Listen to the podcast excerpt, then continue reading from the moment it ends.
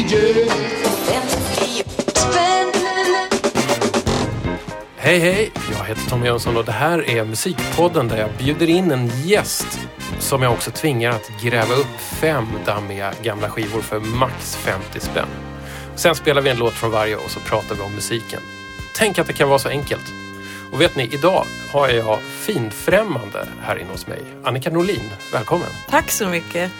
Viktig fråga nu. Har du skivorna med dig? Och nej, ska jag outa det? Jag trodde att, jag trodde att det skulle liksom... Att vi skulle, att vi skulle mörka det och låtsas att jag hade de här. Det är lugnt, vi kan trolla. Mm. Men det var bara så roligt att det här är... Jag har gjort 90 någonting avsnitt och det har aldrig hänt förrän nu. och då tyckte jag att det var, det var lite roligt att se, att se att det har hållit så pass länge och sen så glömde du dem på vägen till Stockholm. Ja, jo men faktiskt. Och det var också som att jag köpte dem väldigt, alltså det var väldigt viktig grej att jag skulle köpa de här. Det var liksom planerade om hela helgen för Mm. att köpa dem. Men sen glömde jag ta med mig dem. Senast jag såg dig i levande livet då stod du på scen på KB i Malmö. Mhm. Jag minns inte i vilken artistinkarnation och jag minns inte riktigt vilket år men kanske runt 2009-2010 någonstans där. Mm. Det som var roligt var att du genomförde hela gigget med öppen gylf. Va? Tjejkalas? Men du visste inte det tror jag? Är det sant? Alltså jag är inte chockad över detta. Nej. Det finns en sak som jag känner att jag saknar i mitt artisteri och det är liksom någon slags estetisk kontroll. Det här är någonting Ah. som jag tycker att nästan alla artister har, men jag missar alltid någon detalj. Det är typ alltid som att jag går så här bär på någon gammal plastpåse eller någonting Mm. sånt. Som, inte, som inte gör sig så fint på bild sen. när- Nej, sådär. Jag, jag stod ganska länge och tänkte "Nå- nu måste någon snart säga någonting Ja. här. Men ing, jag tror inte någon gjorde det. Men jag kom ju på att jag gillade det här för att det gav en ny dimension till hela uppträdandet. Eller så här tänkte jag. Mm. Du skriver jävligt bra texter. Tack. Det känns ju ändå liksom ärligt och seriöst. Mm. Så när det finns en öppen gylf på toppen av det så blir det ju liksom extra liten twist. Men alltså får jag fråga, var det som en hel öppen? Det var inte bara som en liten bubbla? Alltså här typ att jag hade blivit lite tjock så att den Nej, liksom hade jag, åkt jag, ner jag lite tror att det var snarare att det var. Men alltså att det inte var någon som sa något. Så taskigt. Ni borde ha ropat. Mm. Men i och för sig så kanske, jag minns ju att jag hörde till exempel det här med att Weeping Willows brukar köra med att Magnus Carlsson hade kissat på sig i början av, eller att Just de det. blötte ner byxorna för att man ska ver- verka mer utelämnad. Fast i deras fall verkar det ju vara väldigt medvetet. Ja, ja det, här var det inte det tyvärr. Jag vet inte hur mycket jag måste förklara för liksom mina ganska musiknördiga lyssnare vem du är. Men om man bara säger så här, Hello Safe Ride och säkert med utropstecken så tror jag alla är med. Jag undrar i och för sig en grej om det där. Hur gör du när du ska ställa om dig från engelskspråket till svenskspråket? Finns det någon process där? Ja, alltså jag tror faktiskt att processen är att jag redan har på något sätt ställt om mig. Alltså, jag vet inte om du känner igen det här men att om man gör någonting så blir man liksom less på det. Mm. Och för mig är det alltid så att ja, men det har varit så, nu har jag ändå gjort tre skivor med varje projekt. Att, att jag liksom, ja, men till exempel förra skivan jag gjorde på engelska så var det som att jag längtade så mycket efter att göra någonting som var, ehm, var ganska liksom, ja, men, småskaligt och, och eh, eh, lite mer svårförståeligt. Men då när jag stod där och spelade så var det bara härligt ändå att sjunga på svenska och komma jättenära lyssnarna. Och nu när jag står och sjunger på svenska bara, så det ska ändå vara skönt att komma lite längre ifrån. Att få fokusera lite mer på musiken och mindre på orden. Eh, så att jag tror att jag bara ställer in, alltså det är som att jag längtar efter det. Ja. Eh, så. Men det kanske blir något helt annat nästa gång, jag vet inte. på något sätt så blir det ju så annorlunda hur man tar emot musik. Om den är engelskspråkig eller svenskspråkig. Jag tycker ju att det ofta blir starkare på svenska. Men om det inte träffar rätt i ordval och ton så får man ju också sådana extrema skämskuddekänslor. Om det är en svensk text som liksom inte träffar helt mitt i prick. Just när det är på svenska så kan det ofta kännas som att man inte lyssnar lika mycket på musiken utan ordet Mm. tar jättemycket plats och därför tycker jag att då blir det så här, då måste jag välja mina ord på ett annat sätt. Mm. Jag måste ha färre ord, vilket man inte kan tro när man har mina extremt ordrika texter. Men jag då ska man ändå veta att jag stryker väldigt mycket. Men jag fick en så här, jag berättade för dig nu att anledningen till att jag är i Stockholm är att jag är med på en så här eh, Leonard Cohen-hyllning på, hyllning på Dramaten. Just det. Eh, och då sjunger jag ju faktiskt Halleluja. Mm. Och då, inst- det finns ju så här 120 verser till Halleluja. Mm. Då börjar jag ändå tycka att jag kör ju tyvärr inte 120 utan bara fyra verser. Då tycker jag ändå att jag är så lite efter. Jag har inte, inte, inte gjort 120 verser på något än. Men det är som en fin tanke tycker jag att det blir som att man kan få göra som en egen halleluja-buffé. Att man kan ta de verser man själv tycker Mhm. om. Vilka har du valt då? Ja, men jag har tagit de som är liksom mer, mer som mest deppiga och kärleksartade. Jag tror inte ens att alla finns, man kan få tag på dem, men typ 20 i alla fall har jag lyckats Mm. leta upp. Men det är en som är mycket typ att en man står och kollar på en, en kvinna badar och tycker att hon är så vacker och sådär. Den har jag strukit. Det var inte jättelänge sedan du släppte en skiva senast och den heter Däggdjur. Jag tror att vi kanske kommer att prata om den lite då och då under den närmsta timmen. Men det här är DJ 50 spänn, så din hög med gamla skaviga plattor, som tyvärr inte är här, Mm, utan som vi förlåt. återskapar, eh, den är viktigast. Mm. Ska vi langa på den första? Ja, men vi gör det. Jag tycker att vi börjar mjukt.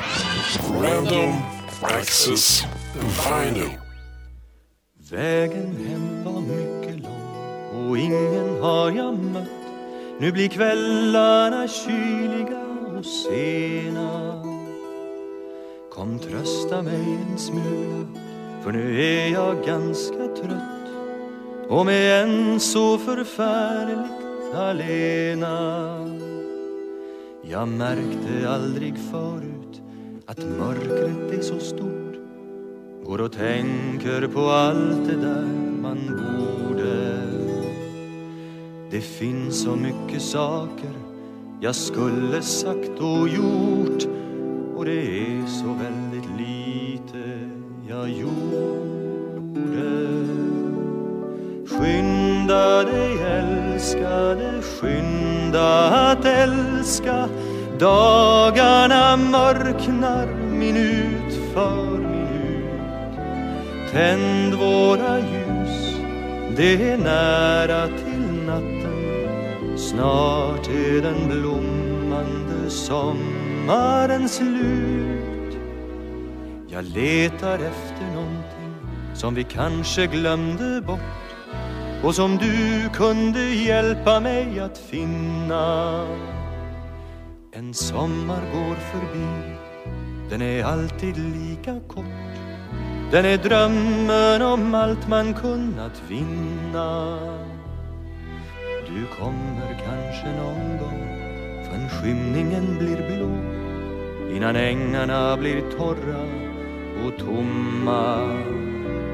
Kanske hittar vi varann, kanske hittar vi då på något sätt att få allting att blomma. Skynda dig älskade, skynda att älska Dagarna mörknar minut för minut. Tänd våra ljus, det är nära till natten. Snart är den blommande sommaren slut. Nu blåser storm där ute och stänger sommarns dörr.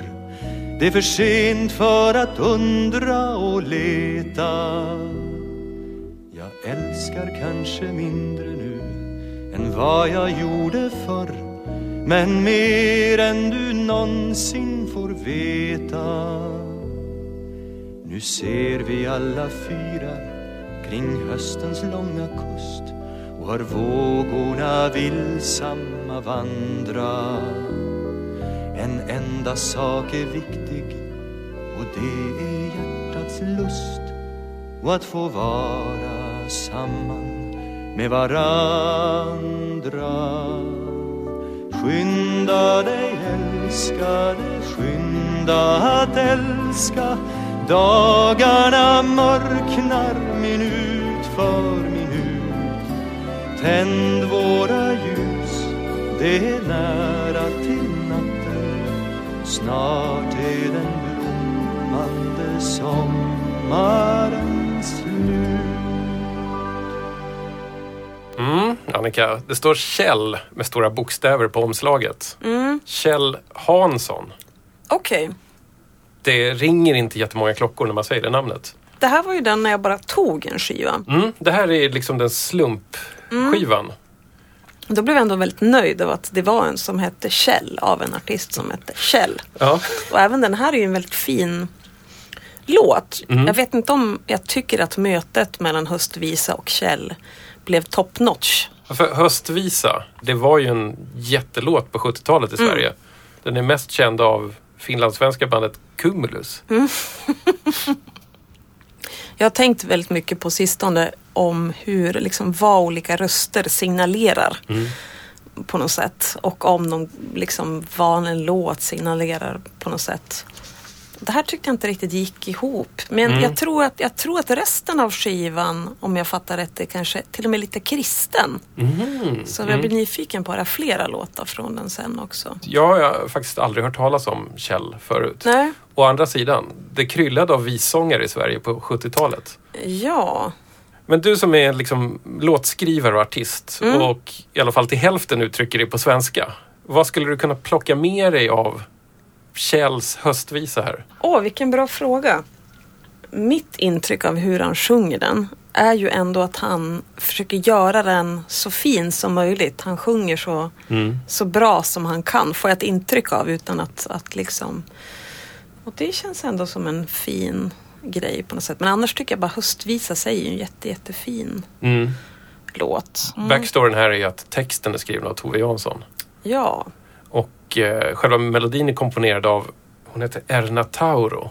Och eh, var, nu minns jag inte riktigt, hon, men hon kommer från en, också en sån här eh, finsk eller till och med finlandssvensk släkt som heter Pergament från början. Som är lite grann av så här kulturelit. så snyggt. Ja, fantastiskt namn. Och den här hördes första gången i en sångtävling på Yle, alltså finska radio 1965. Då kom den bara trea. Men sen blev den liksom enorm på 70-talet. Och den 70-talsversionen av, av finlandssvenska Cumulus, den kan jag minnas väldigt tydligt från barndomen. Att jag står liksom på femte våningen i höghuset som vi bodde i. Och så är det, var det ganska stora vardagsrumsfönster Och så såg man väldigt långt över Södertörn, alltså att det var skogar och så stack det upp små punkthus eller någonting. Så hörde man den här lite lätt, tycker jag i alla fall, sorgsna låten om att det är, det är bråttom att hinna älska. Och det kan vara så att det här var min första touch med någon form av melankoli. Är det sant? Så du var typ tio år och blev stressad? Ja, jag jag, tror, jag, tror att jag, var en, jag tror att jag var ännu mindre än så. Ja. Ja, Jag vet inte vad det här leder riktigt men, men, men jag det tror var- att den här låten kan vara min första liksom, touch med någon slags här melankolisk, lite så här molande, Mhm. bitterljuv känsla i musik. Jag förstår. Men du är väl inne och rotar i den känslan ibland? Ja. I din musik? Jo, men det är ju absolut. Hur kommer det sig Eh, att du dras till åt det hållet? Ja, men alltså grejen är att jag vet inte riktigt om jag gör det så mycket. Det kanske mer, jo, eller jo, det kanske jag också gör. Jag tror att jag är ute efter liksom att hitta någon slags mellanting kanske. Att det både ska vara sorgligt och roligt, tror jag. Jag är ute efter, efter att man ska känna saker och det känns ju som att de, eh, att höstvisa verkligen handlar om på något sätt. Men en annan sak som jag tänkte säga om den här låten, eller överlag tycker jag när man är ute och kollar i vinylbackar och kollar på så här. Det är ju det här med det som jag får för mig hände mycket på 60 och 70-talet, det vill säga att man kunde ta en populär låt och så kom det jättemånga tolkningar av den. Ja. Det vore ju väldigt kul om jag skulle så här, göra en Bruno Mars-låt på min skiva. Varför gör du inte det? Jag vet inte, jag, det slår mig just nu. Det borde kunna ske. Ja. Det ska ju vara oerhört roligt att åka ut och spela då. Man bara, nu är jag här, jag ska köra Single Ladies, jag ska köra... ja, det var den enda populära låt jag kom på och den kom för typ fem år sedan. Men du Ja. förstår vad jag menar. Ja, ja. men en sak till som jag faktiskt så här, när jag tog då den här skivan med Kjell. Mm. Eh, jag har ju ingen aning om vad han gör idag. Men jag fick som en väldigt så här... Eh, då, då fick jag verkligen en melankolisk känsla av att man själv tycker att det är så himla viktigt vad man håller på med och att för Kjell var ju, det här är ju en viktig grej att göra den här skivan och nu sitter vi här och vet inte vem han är. Nej, det är lite Eh, sorgligt. Ja, men sorgligt men också tyckte jag lite härligt att så här, det är inte så jävla viktigt vad man gör. Han har ju säkert ett helt annat liv nu. Och det kommer jag också ha när, om, om eh, 30 år när det sitter DJ 150 spänn. jag bara, vad är det här för någon? Säkert, Ja. det verkar konstigt. Nej, det var ingen bra låt. Hon lyckades inte med sin melankoli. Hörru, jag tänkte att vi hoppar vidare till en eh, annan kategori av skivor här. Nostalgiköpet. Ska vi dra en trigger warning innan det här? Behövs det? Berätta, vad är det för trigger? Jag själv tror att jag avskydde den här låten när den var populär. Är det sant? Jag tyckte att den stod för allt dåligt i världen. Jaha, men- Idag är jag inte lika säker. Vad är du för årgång? 72. Du är 72, då är du en fem år äldre än mig. Då kanske det ändå är som att du var lite häftigare än vad jag var när den kom. Mm, det kan vara så. Dra på den.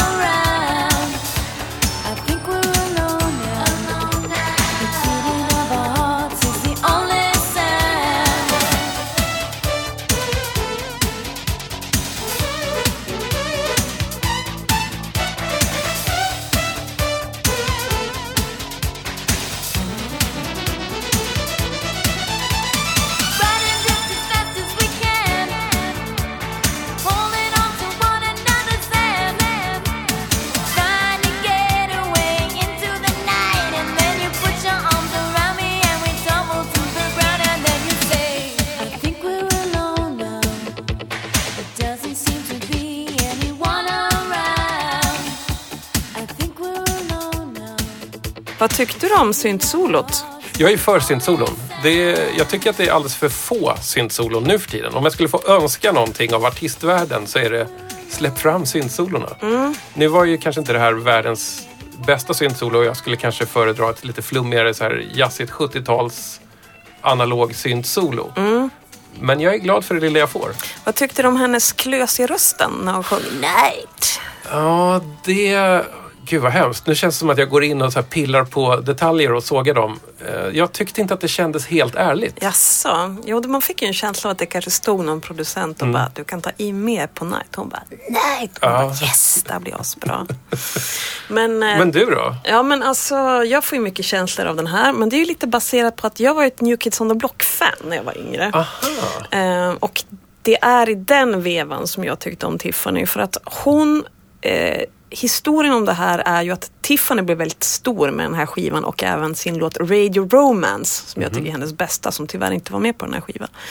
Och då skulle New Kids on the Block vara förband till henne. Då blev de så heta att de fick byta plats efter ett tag. Så det är den ena grejen. Det andra var ju att Tiffany blev ihop med min favorit i New Kids. Det vill säga storebrorsan Jon, den tråkiga som aldrig fick sjunga någonting. Ja, Som sen visade sig vara gay dessutom. S- Det här är fantastiskt. Ja, det är mycket information som flödar över dig just nu. Så att eh, det är mycket känslor och som New Kids-fan så var man ju tvungen att köpa och stötta alla deras kompisar. Så därför hade jag ju Tiffany-skivor. Jag hade ju skivan med Marky Mark and the Funky Bunch. Och eh, som ju var Donnys lillebror och även deras livvakt Biscuit som släppte en skiva också.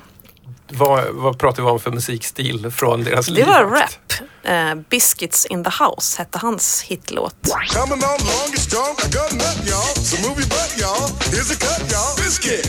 Jag är nästan Ja, mållös tyckte här för, för, för det här. Det, ja. Men det som är så bra med att du berättar det här är att jag tycker att de här storiesen aldrig riktigt kommer fram. Nej. För att man än idag har lite svårt att ta New Kids on the Block på allvar. Ja. ja men du vet, pojkband innan pojkbanden hade faktiskt fått ett statuslyft. Ja. Det hände ju sen lite på 90-talet. De fick en annan respekt efter Mm. Take That och NSYNC och Backstreet Boys och allting. Men alltså det som är lite tråkigt, jag och min syster var faktiskt och såg för några år sedan New Kids och eh, vad heter det, Backstreet Boys gemensamma återföreningsturné Wow! eh, i Malmö. Och det som då var väldigt deppigt var att så här, New Kids låtar är ju mycket sämre. Alltså typ om man tar liksom en Sync och Backstreet Boys som har ju ändå lite bra låtar och Take That och sådär. New Kids har ju tyvärr inte så bra låtar. Vi blev ju ändå liksom vansinniga. Vi ställde oss upp och skrek som att det hade varit 91. Men eh, ja, Hur ser demografin ut i publiken på en sån här konsert? det var faktiskt väldigt roligt för att eh, man tänkte sig innan att det skulle vara så här. Nu kommer det bara vara kvinnor mellan 30 och 40. Och det var bara kvinnor mellan 30 och 40 i publiken. Eller 30 och 45. Och man bara, nu kommer det vara helt såsig stämning. Men det var som att det var liksom någon slags Pavlovs hundar. Att så fort de släckte ner och så kom New Kids och Backstreet Boys ut på scen. Var det som att alla bara, okej nu är det med att jag ska resa mig upp och skrika. Så alla gjorde det. Och även att jag tror att New Kids och Backstreet Boys var liksom inte lika rädda för sina fans nu. Så att du vet, de var ute publiken höll på att jucka runt. Vilket ändå var så här, funkar ganska bra. Förutom för Nick Carter var så oerhört äcklig och hade på sig någon slags läderbyxor. Bara, Och han har gått den vägen alltså? han såg ut som någon slags, att han jobbar på Teknikmagasinet och var på personalfest och hade druckit lite för mycket. Mm. Men för alla andra hade behållit värdigheten tycker jag. Men jag tror egentligen att den främsta, om man ska ta liksom eh, främsta anledningen till att jag tar med den här liksom skivan beroende på min uppväxt och så där tror jag är att att eh, jag känner verkligen att jag kan, liksom, kan dela in mitt musiklyssnande i två. Och det ena är ju att när jag blev lite äldre så var det som att jag blev ju verkligen liksom en, en skivnörd och en musiknörd. Men jag har alltid älskat musik. Men innan det här skedde när jag var liksom 15-16 så gillade ju som sagt New Kids väldigt, väldigt bred och topplistemusik och det gör jag fortfarande. Men ibland kan det vara svårt att gifta ihop de här olika och att få dem att passa ihop i liksom. Det är inte alla som, som kommer fatta att jag fortfarande älskar Backstreet Boys och att jag ändå kan liksom lyssna på Lowell George. När var första gången som du kände att wow, jag kan skriva låtar och ingen annan kan göra det här som jag gör nu? Alltså, det vet jag. Alltså, jag vet inte om jag någonsin har känt det, om jag Nej. ska vara ärlig. Det här är samma sak som när vi pratade om Kjell-skivan. Att, om vi får återgå till Kjell. Ja, gärna. ehm, Så tror jag att jag blir inte jag blir inte peppad av tanken att man själv fyller en viktig funktion. Jag blir st- stressad av den. Jag tycker att det är mer skönt att tänka att man själv är bara en liten, liksom, jag vet inte, man själv gör det man gör, alla andra gör det de gör. Det blir jag avslappnad och kreativ av. Så jag tror att jag skulle liksom försöka hindra mig själv från att, att tänka att, ehm, att vad jag gjorde var liksom viktigare än någon annan. Det låter som en bra inställning om man vill undvika så här, hybris. Du vet man alltid brukar säga till folk som så här Eh, men du vet om de så här mår dåligt över sig själv att man ska typ se sig själv i spegeln och ge sig själv affirmationer. Bara, jag är vacker, jag är fin, jag klarar av det här. Men jag känner snarast tvärtom att om man snarare bara jag är bra på vissa saker, inte så bra på att knäppa gylfen men bra på vissa saker och att någon annan kanske också är det. Det tycker jag är bättre för mig i alla fall. Ska vi hoppa vidare till nästa skivkategori? Ja, vi gör det. Chansningen.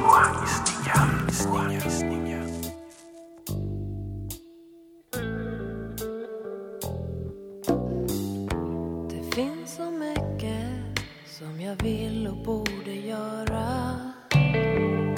Så mycket jag vill säga som ingen vill höra. Måste ha en läcka någonstans där allting rinner ut.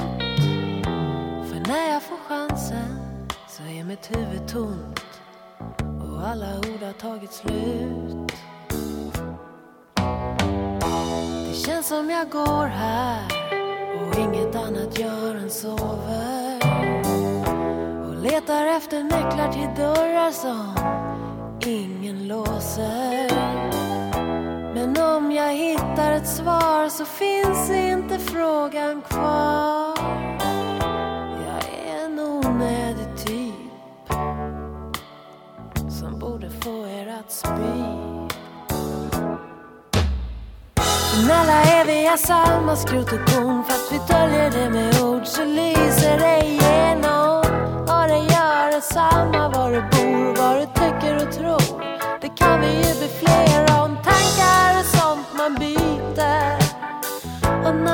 att blod är tjockare än vatten. Jag skiter i vad det betyder För huvudsaken är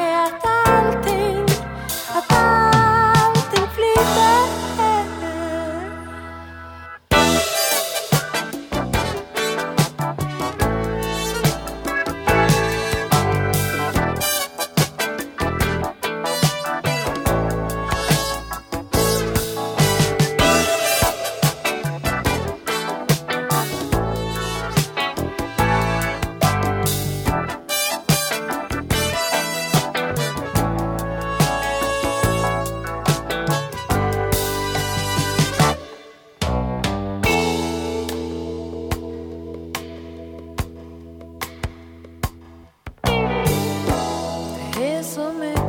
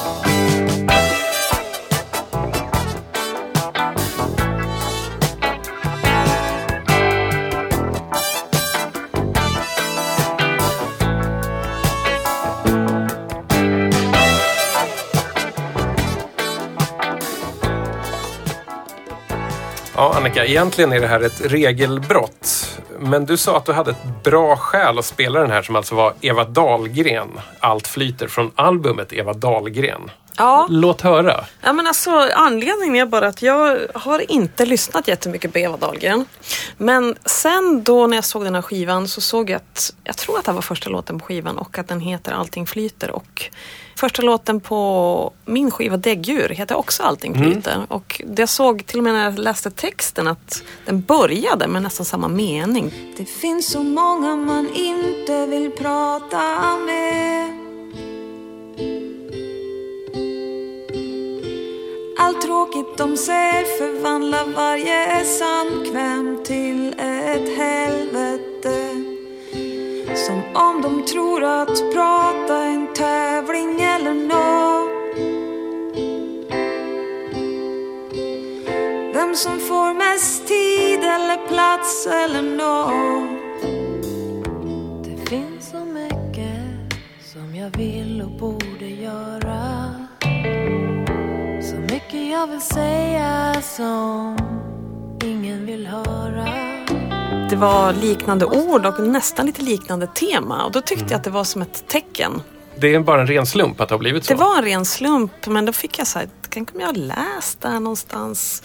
Men nej, nej, jag vet inte. Men jag tyckte att den var ju, det var ju lite mycket som sagt som vi pratar om nu, lite funkpartier och sådär. Men Ja. annars tyckte jag var en jättebra låt. Jag blev väldigt eh, på gott humör av denna.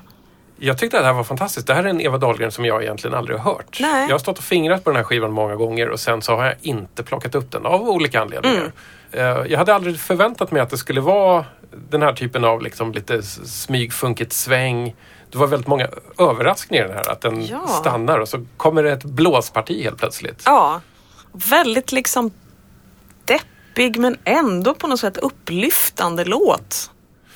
På något sätt så tycker jag att det här är lite typiskt med hur vi musikkonsumenter eh, ser på Eva Dahlgren. Vi har ofta ganska hög respekt för henne och tycker att ja, men Eva Dahlgren, hon är bra. Samtidigt så ser vi förbi henne.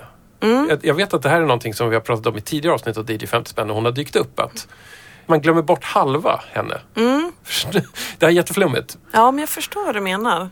Sak som jag gillar med den här låten också, det är, jag kan, gillar överlag väldigt mycket den här känslan när man sätter på en låt och så känner man bara, jag har ingen aning om vart den här låten kommer att ta vägen. Och ibland kan det ju vara så att man, trots att det är liksom oförutsägbara saker som händer, så det är ändå som inom den ramen fattar man ungefär. Men den här låten kände jag bara, jag vet inte vad som kommer att ske, jag vet inte vad hur det är musikaliskt eller textmässigt eller röstmässigt. Jag vet inte vad som kommer hända. Nej. Nej.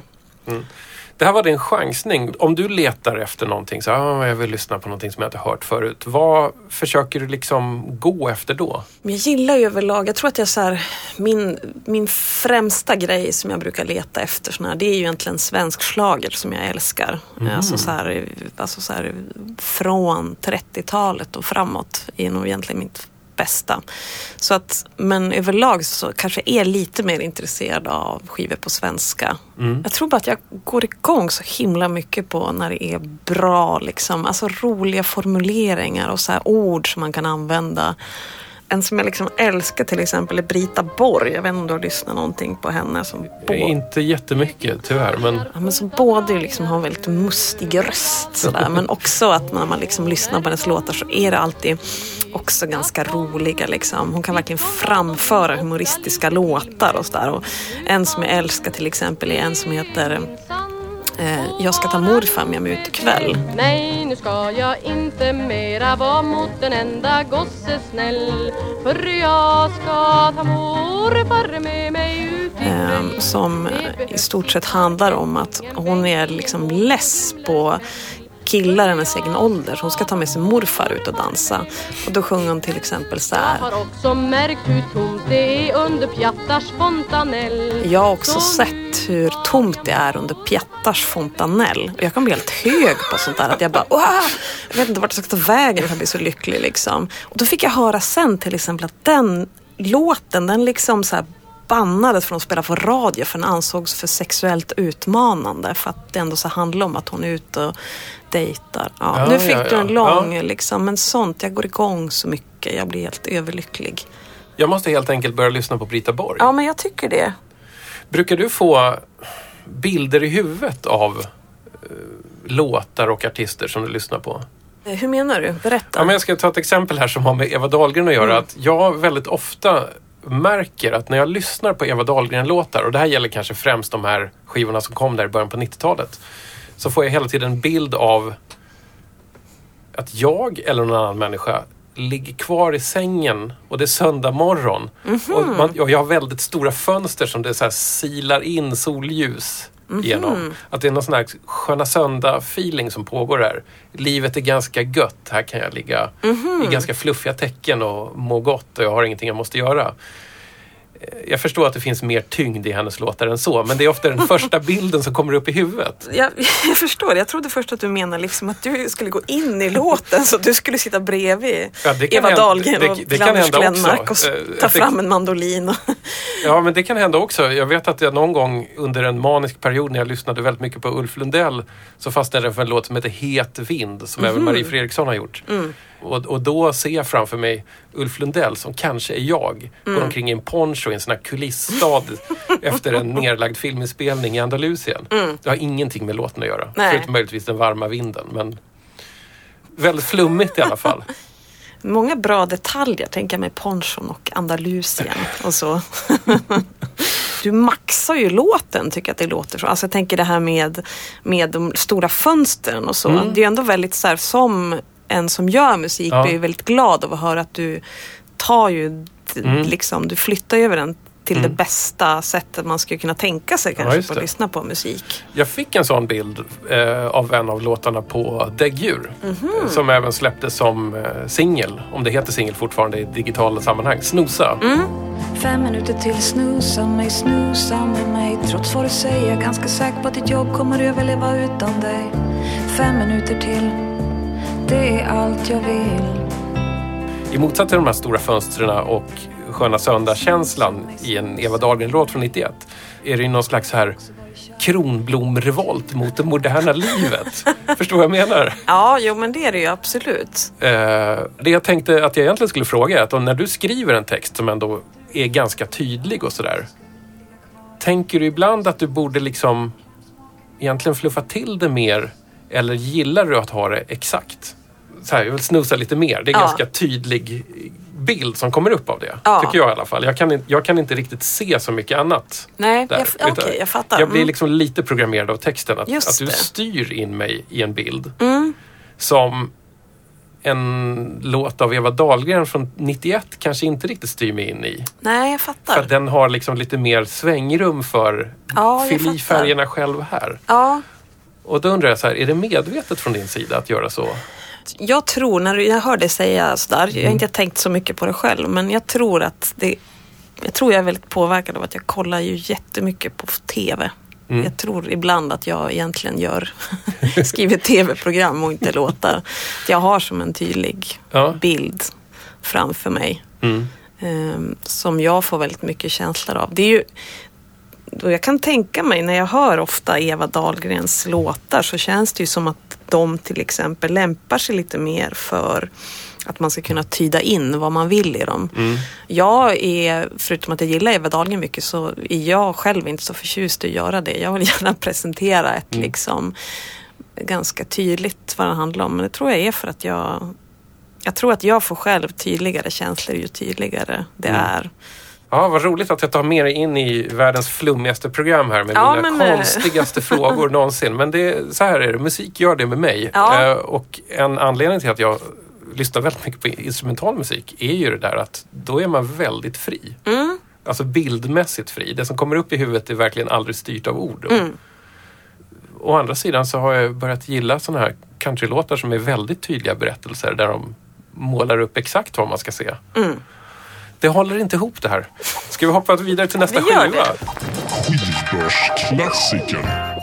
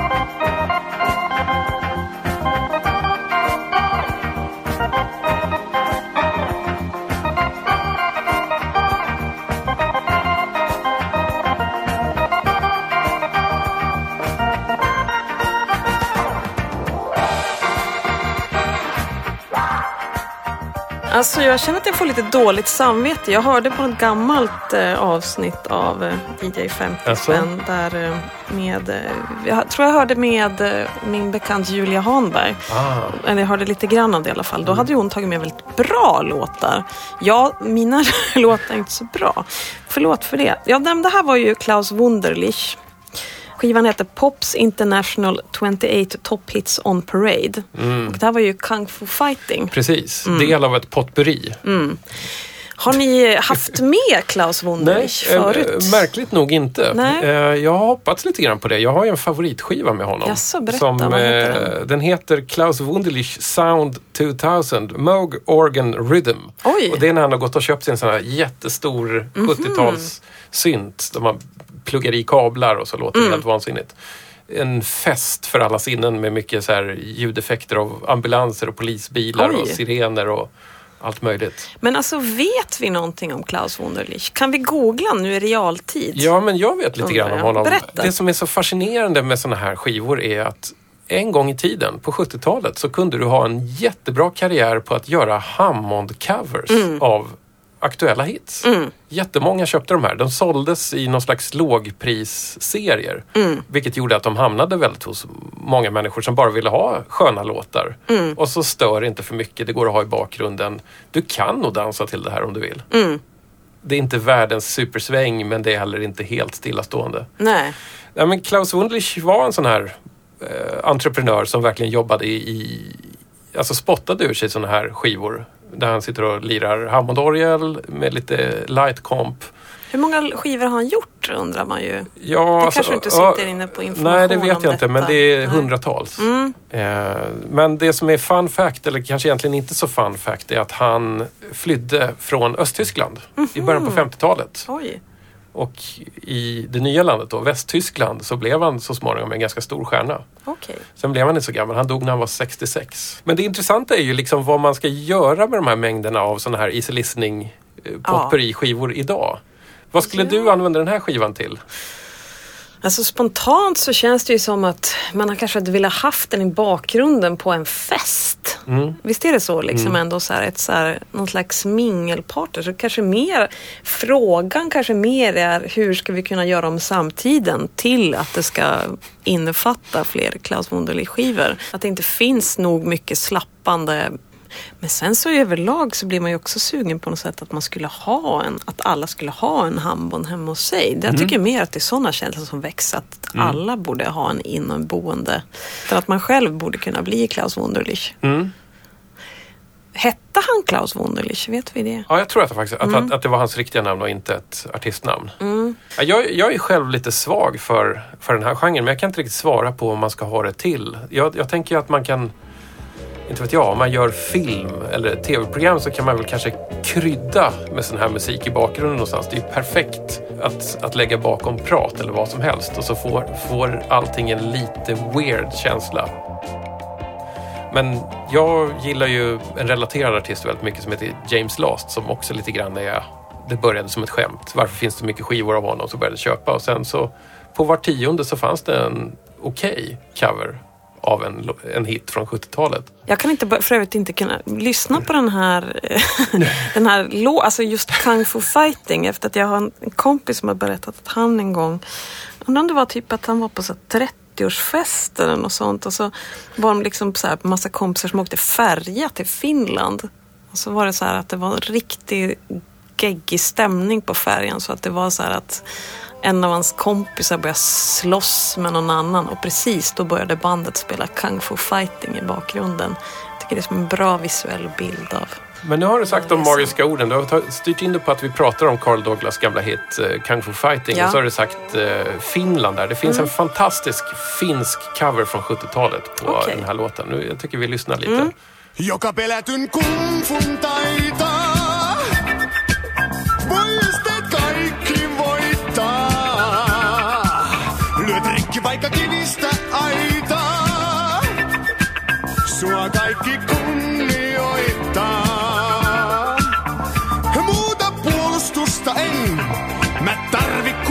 Sen. Joku hyökkää takaa. Maassa hän pian makaa. Taito kiinalainen tää. Ei häviölle koskaan jää.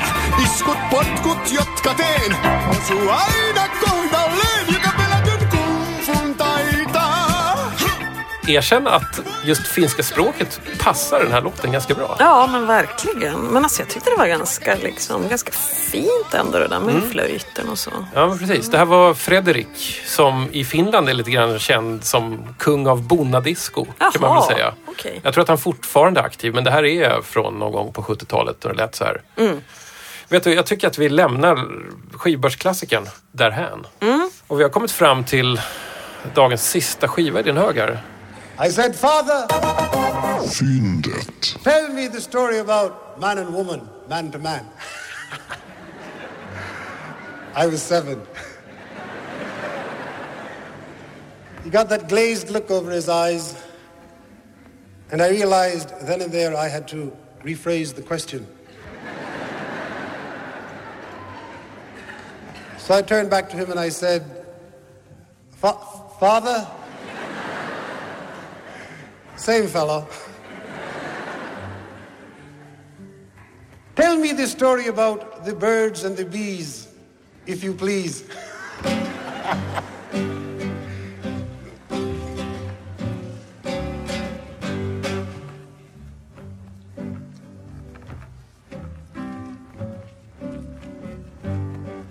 When I was a lad just three foot three, certain questions occurred to me.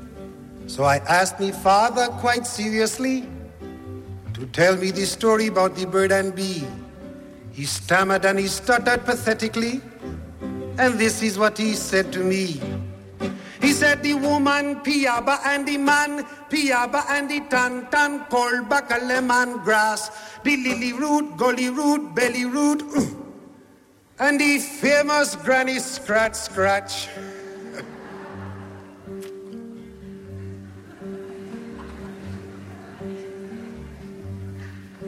It was clear as mud, but it covered the ground, and the confusion made me brain go round. I went and asked a good friend of mine, known to the world as Albert Einstein. He said, Son, from the beginning of time and creativity, there existed the force of relativity.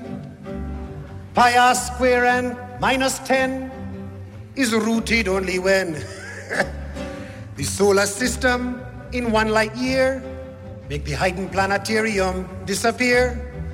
So if Mount Everest doesn't move, I am positive that it will prove that the woman piaba and the man piaba and the tan tan a lemon grass, the lily root, gully root, belly root, and the famous granny scratch scratch.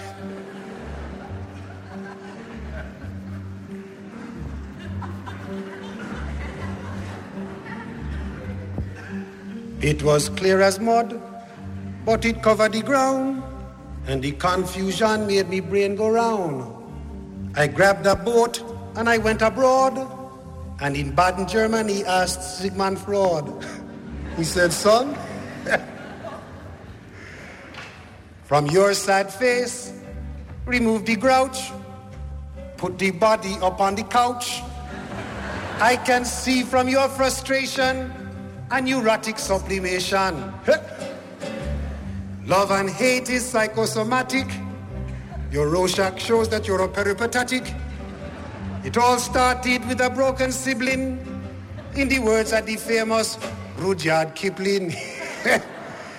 he said the woman piaba and the man piaba and the tan tan back a lemon grass, the lily root, gully root, belly root, and the famous granny scratch scratch. Well, I travel far and I travel wide, and I don't even have myself a bride. All the great men upon this earth have confused me since my birth. I've been over land and been over sea, trying to find the answer about the bird and bee. But now that I am 93, I don't give a damn, you see. If the woman piaba and the man piaba and the tan tan called back a lemon grass, hide the lily root, gully root, belly root. and the famous Gunny Scratch Scratch. Mm, Annika, vad hör vi egentligen? Jag fattar ingenting. Alltså, det är ju Harry Belafonte och det är ju han som är fyndet. Mm. Jag vet inte om det är just den här liksom. Det är, jag hatar liveupptagningar. Ah, Ehm, det här var ändå en ganska speciell liveupptagning. Ja, och jag fattar ingenting av den här texten.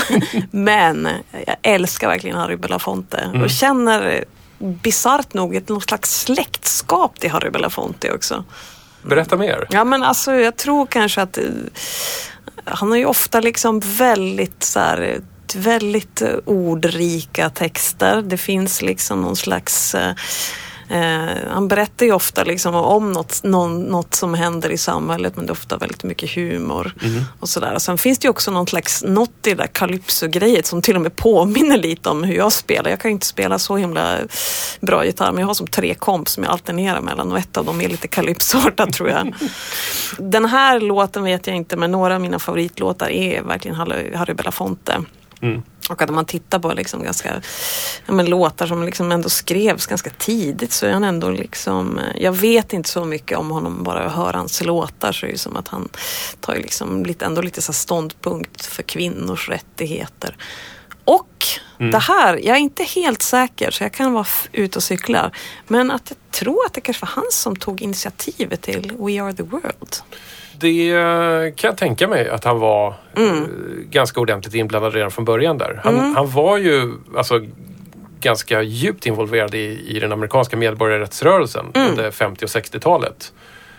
Eh, Han var väl också, på något sätt, har han väl alltid gjort det, att han har lyft fram någon slags vad ska vi kalla det, ursprunglig liksom svart eller liksom karibisk strömning i amerikansk kultur och, och promotat den ganska mycket. Mm. Den här låten tror jag faktiskt är en folksång från någon karibisk ö från början. Mm. Okej, Jag är inte helt hundra på vad den, vad den handlar om Nej, heller. vad handlar den om? Jag vet att, jag tror att det är så här att det finns en fisk som heter piava. Men det finns också en ört som heter piava. Mm. Ja, Och precis. vad, som, vad det här, hur det här hänger ihop med blommor och bin och manligt och kvinnligt Ja. och allt som händer i den här låten. Jag får inte riktigt ihop det.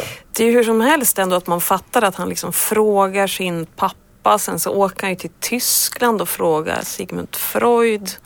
Eh, Ja. Det händer ju väldigt mycket. Du och jag förstår inte vad det är som Nej. händer. Men det verkar ju vara väldigt roligt om man dömer från publiken. Ja, de är ju med på vad som händer Ja. Men överlag så tycker jag att det finns här, han, Ari Belafonte gör ju väldigt svängig musik.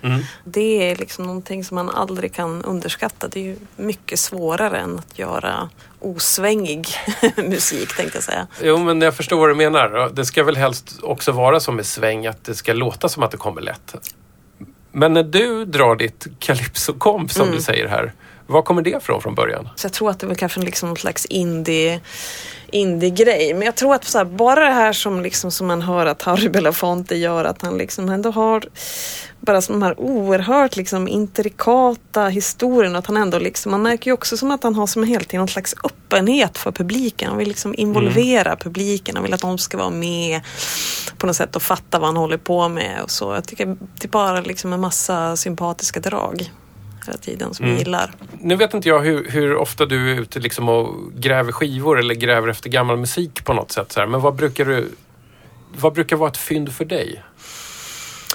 Det var ju ett tag som jag verkligen nördade ner mig på så här 60-tals country. Men jag har ju verkligen den här ådran i mig att, att jag är väldigt så här, jag gillar verkligen att hitta någonting som andra inte har hört. Och där tycker jag är en sån konstig grej. Alltså vart kommer den ifrån? Det är som en helt värdelös biologisk grej liksom. Jag uppskattar att hitta någonting som är konstigt och ska berätta om det för folk liksom. Eh, Men det är väl en så här, upptäckarlusta som väldigt många har i sig någonstans. Om man inte har det vad det gäller musik så kanske man har det inom matlagning eller, ja men precis. eller något handarbete eller vad det nu kan vara. Liksom. Ja. Att man plockar upp någonting som andra rikt, inte riktigt har hunnit hitta. Jag har inte så stort intresse för den fysiska skivan faktiskt. Så jag letar nog mycket mer på, på Spotify och där är det ganska mycket så här gammal schlager som sagt Mm. som jag letar efter.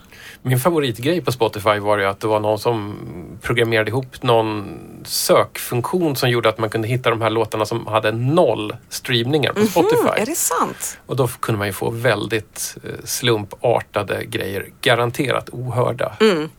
Du, eh, jag bad dig också ta med en så kallad livlina. Mm. Någonting som eh, du redan har i musikväg. Mm. Det råkade bli en Tom Waits skiva. Hur hittade du till Tom Waits?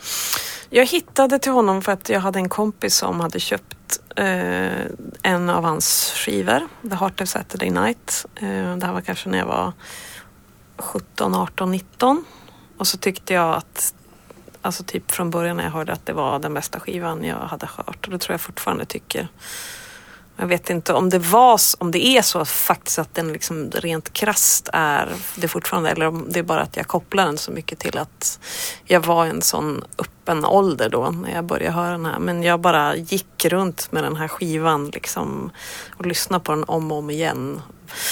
Eh, och jag tror att det har liksom den har så att nu är det inte bara bra utan det har, nog verkligen blivit en livlina. Att det är som en sån här som jag återkommer till om jag behöver ett, en plats att känna mig trygg på något sätt. Jag tycker vi lyssnar lite på den. Ja. Det kanske finns mer att säga sen. Never saw the morning till I stayed up all night. Never saw the sunshine till you turned out the light. Never saw my hometown until I stayed away too long. I never heard the melody until I needed the song.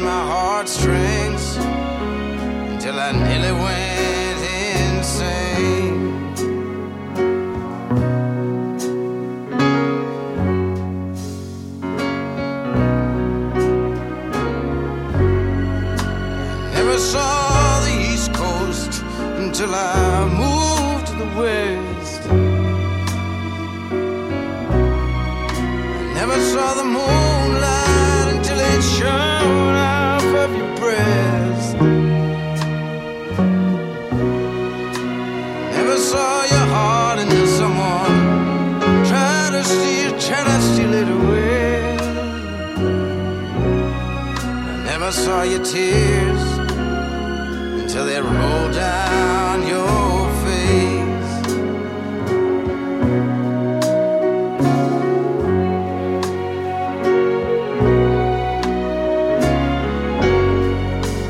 Never saw the morning till I stayed up all night. I never saw the sunshine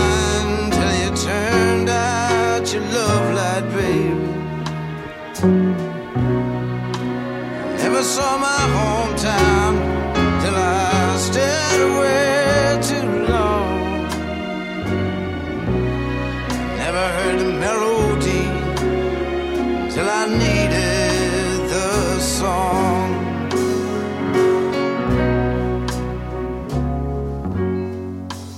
Mm. San Diego Serenade Mm. heter den här från The Heart of Saturday Night. Mm. Var lite kul att se dig eh, lyssna på den här för att det var liksom, du försvann. Jo, jag vet. Jag fick en helt annan sinnesstämning nu. Ja, jag blir jätte... Men du vet, så här, det är inte bara skivan utan allt man kopplar till Mm. den och sådär. Men Alltså jag, har ganska, jag har inte jätteförtjust i Tom Waits senare grejer. Jag Mm. gillar inte när han rosslar loss så mycket.